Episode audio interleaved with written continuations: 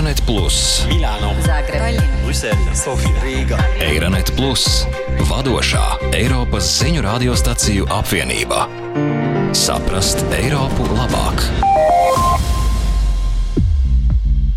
Labdien! Mēs atkal tiekamies Euronet Plus Green Deal jeb zaļā kursa podkāstā, kura veidošanā ir iesaistījušies žurnālisti no visas Eiropas, lai no dažādiem skatu punktiem aplūkotu Eiropas Savienības zaļās pārējas ietekmi uz mūsu ikdienas dzīvi. Mums ir jācīnās ar klimata pārmaiņām, jāuzlabo mūsu apkārtējā vide, jābūt sportiskiem un veseliem un jāsamazina sava atkarība no importētajiem fosilajiem energoresursiem. Vai tas ir daudz prasīts no Eiropas Savienības pilsoņiem?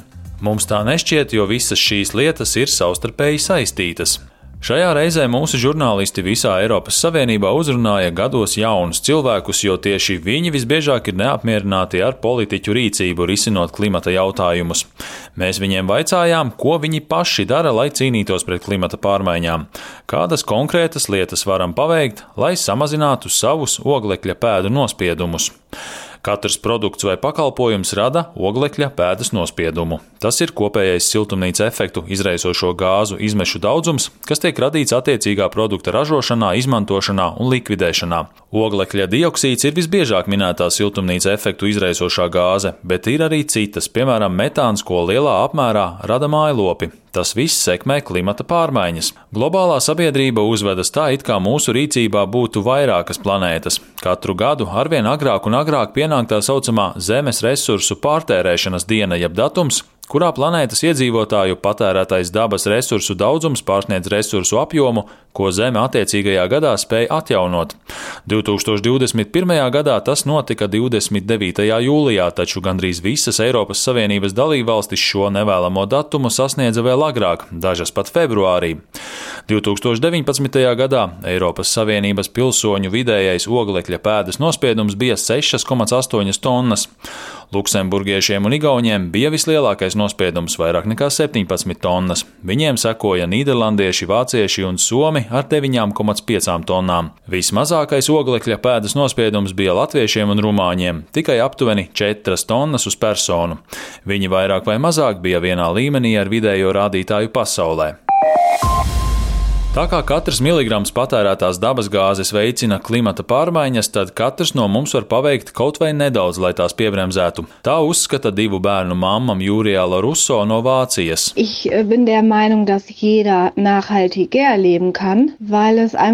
Es domāju, ka katrs no mums var dzīvot ilgtspējīgāk, jo ir tik daudz veidu, kā sekmēt vides aizsardzību, tikai nedaudz mainot savu ikdienas uzvedību. Piemēram, var pievērst vairāk uzmanību tam, cik daudz atkritumus saražojat vai cik ilgi mazgājaties dušā. Tās ir mazas lietas. Arī savas iepirkuma summas izmantošana veikalā ir daļa no ilgspējīga dzīvesveida.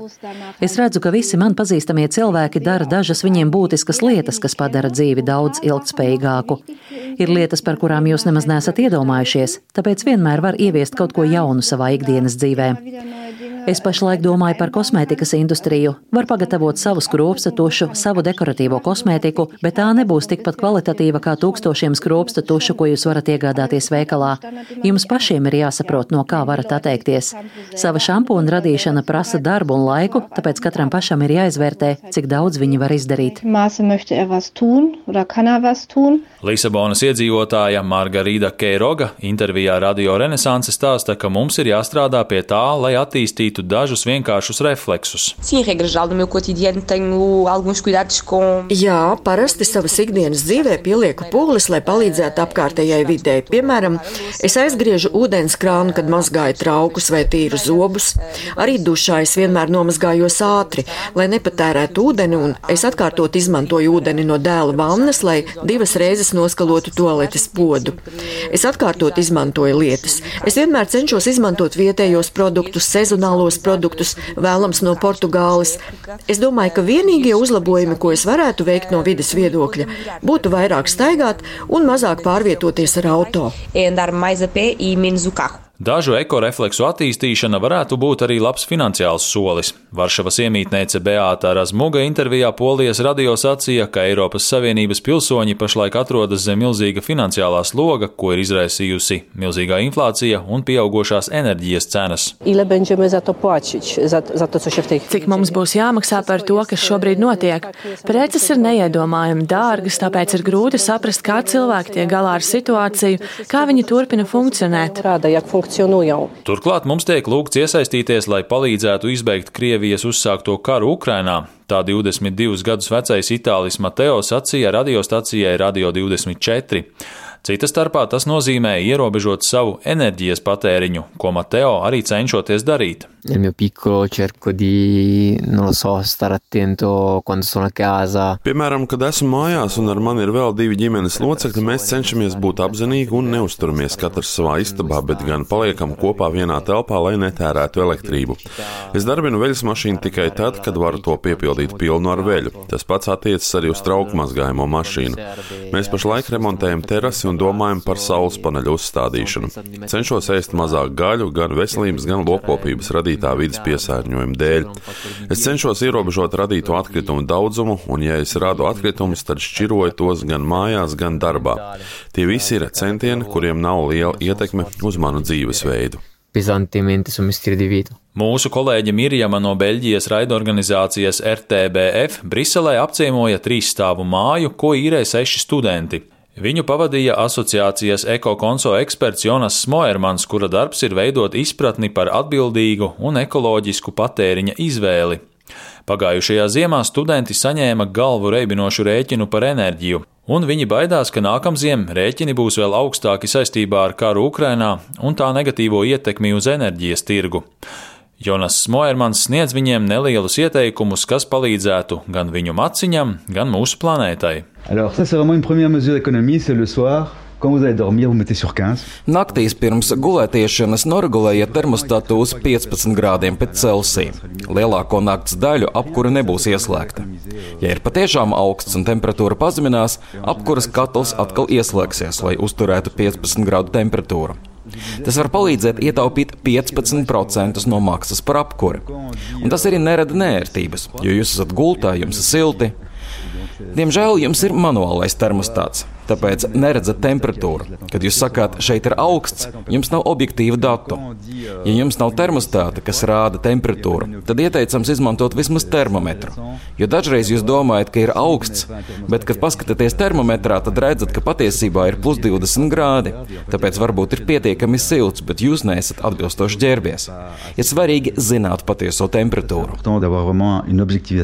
De la, température. Kopumā lielākā daļa indivīda oglekļa pēdas ir saistīta ar enerģijas patēriņu un mājokli, kam seko pārvietošanās un pārtika. Tātad šīs ir tās jomas, kurās mums vajadzētu apsvērt iespēju veikt izmaiņas, taču dažas izmaiņas ir vieglāk īstenojamas nekā citas. Igauņu klimata žurnāliste Joanna Lāsta stāsta radiostacijai Kuku Radio kõik need elektrit ja, ja soojust puudutavad asjad on. Visu, kas ir saistīts ar elektrību vai siltumu, ir grūti mainīt. Cilvēki parasti nevar paši veikt šīs pārmaiņas, jo uzņēmumi nodrošina centrālo apkuri vai elektrību. Vienkāršākais izmaiņas ir saistīts ar produktiem, ko ražo no jēlnaftas. Ņemsim par piemēru plasmasu un benzīnu. Nebrauciet ar automašīnu, bet, ja jums to patiešām vajag, tad brauciet ar ātrumu 90 km/h, nevis 110 km km/h, jo tā jūs patērēsiet mazāk degvielu. Tāpat es aicinu cilvēkus izmantot mazāk naftu.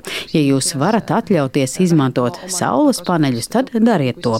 Pašlaik ir grūti pārdot saražoto elektrību, bet tā noteikti noderēs personīgai lietošanai. Taču šīs ir grūtākas pārmaiņas. Ir vieglāk sākt ar automašīnu. Auto, auto nagu, jah kõige kergem neist. Patiešām transports ne tikai veido nozīmīgu daļu no mūsu oglekļa pēdas nospieduma, bet tādēļ mēs arī esam pilnībā atkarīgi no importētās naftas. Taču pastāv alternatīvas. Pārvietojoties, piemēram, ar sabiedrisko transportu vai ar velosipēdu. Tas uzlabos gan jūsu veselību, gan planētas veselību. Un, ja jums patiešām ir nepieciešams sēsties automašīnā, tad piepumpējiet riepas, izslēdziet gaisa kondicionieri un nespiediet gāzes pedāli līdz galam. Programmatūras eksperts Dimitrs Simovs intervijā Bulgārijas radio piekrita viedoklim, ka mums ir jāsamazina sava apetīte pēc ātruma. Es ilgu laiku neesmu braucis ātri. Braukt lēnāk ir ne tikai veselīgāk, bet arī vidē draudzīgāk. Es 2017. gadā nopirku elektrisko skrējreteni, un kopš tā laika pa pilsētu pārvietojos pārsvarā ar to. Tas rada milzīgas atšķirības oglekļa pēdas nospiedumu un izmaksu ziņā. Mazgājot traukus, tīrot zobus, skujot Gatavoties, mazgājoties dušā, es aizgriežu ūdeni, jo tam nav visu laiku jātek. Bet papildus šo diezgan pašsaprotamo pasākumu uzskaitījumam, Simons uzsvēra, ka mums ir jākontrolē arī savs digitālais piesārņojums. Tēma, par kuru mēs runājām vienā no saviem iepriekšējiem podkāstiem. Mēs visu laiku radām milzīgu daudzumu digitālo atkritumu. Mēs varam sākt ar to, ka samazinām Facebook lietošanu. Nevienam neinteresē, ko tu šodien pagatavoji, vai kā izskatās tava dzimšanas dienas torte, vai pat tavs kaķēns. Jebkāda šāda Šāda veida informācija, kas tiek publicēta sociālajos medijos tūkstošiem reižu, palielina elektroenerģijas patēriņu, bet tas savukārt nozīmē piesārņojumu un oglekļa dioksīda emisijas. Pārtika veido 10 līdz 30% no maisaimniecību oglekļa pēdas nospieduma, galvenokārt lauksaimniecības, pārtikas produktu ražošanas un transportēšanas dēļ. Gaļas produktiem ir lielāks oglekļa pēdas nospiedums nekā augu produktiem, tāpēc gaļēdāji rada vairāk siltumnīcas efektu izraisošo gāzu izmešus nekā veģetārieši un vegāni. Slovēņu ekoloģe Katja Sreša telekanālam RTV Slovenija stāsta, ka jebkādi centieni paveikt vairāk klimata pārmaiņu palēlināšanai var rādīt pozitīvu piemēru. Ja, pristopov je veliko, ampak po našem mnenju in naših izkušnjah. Ir daudzas pieejas, taču mūsu pieredze liecina, ka ir viegli rādīt pozitīvu piemēru. Daži cilvēki brauks tikai ar sabiedrisko transportu, citi ēdīs galvenokārt augu izcelsmes pārtiku, bet citi turpinās iepirkties beziepakojumu veikalos. Ļaujiet mums rādīt piemēru. Kopā mēs varam arī aktīvi ietekmēt ražotājus un lēmumu pieņēmējus, lai viņi veiktu izmaiņas, un tad viņi turpinās pārliecināt visus tos, kurus mūsu piemērs un mūsu vārdi nav sasnieguši. Lēmumu pieņēmēji Briselē cenšas palielināt spiedienu uz ražotājiem. 30. martā Eiropas komisija nāca klajā ar priekšlikumu atjaunināt bloka patērētāju aizsardzības noteikumus, lai nodrošinātu, ka Eiropas Savienības pilsoņi var izdarīt apzinātu un videi draudzīgu patērētāju izvēli. Daļa no priekšlikuma ietver patērētāju aizsardzības stiprināšanu pret neusticamiem vai nepatiesiem apgalvojumiem par produktu atbilstību vides standartiem, radio renesanse sacīja portugāļu vides speciāliste Suzana Fonseca. Pašlaik Eiropas Savienībā ir tiesību aktu pakete. Daļa jau ir izstrādāta, daļu vēl prezentēs, kuras mērķis ir dot pilsoņiem iespējas, lai viņi kļūtu daudz prasīgāki pret uzņēmumu apgalvojumiem par to, cik videi draudzīgi ekoloģīgi tie ir. Citiem vārdiem, uzņēmumi var teikt, ka viņu produkti ir daudz ekoloģiskāki, bet viņiem tas būs jāpierāda. Un runa ir arī par uzņēmumu atbildību, liekot tiem atskaitīties par vidas izmaksām un iekļaut tās savos pārskatos, arī gada pārskatos. Tātad, neatkarīgi no tā, kā mēs šim jautājumam pieejam, nav attaisnojuma nedarīt vairāk. Kā saka, arī mazām lietām var būt liela nozīme. Tas arī viss šajā Euronet Plus Green Deal jeb zaļā kursa podkāstu sērijā. Klausieties arī mūsu nākamo sēriju, kurā mēs runāsim par klimata pārmaiņu skeptiķiem un noliedzējiem.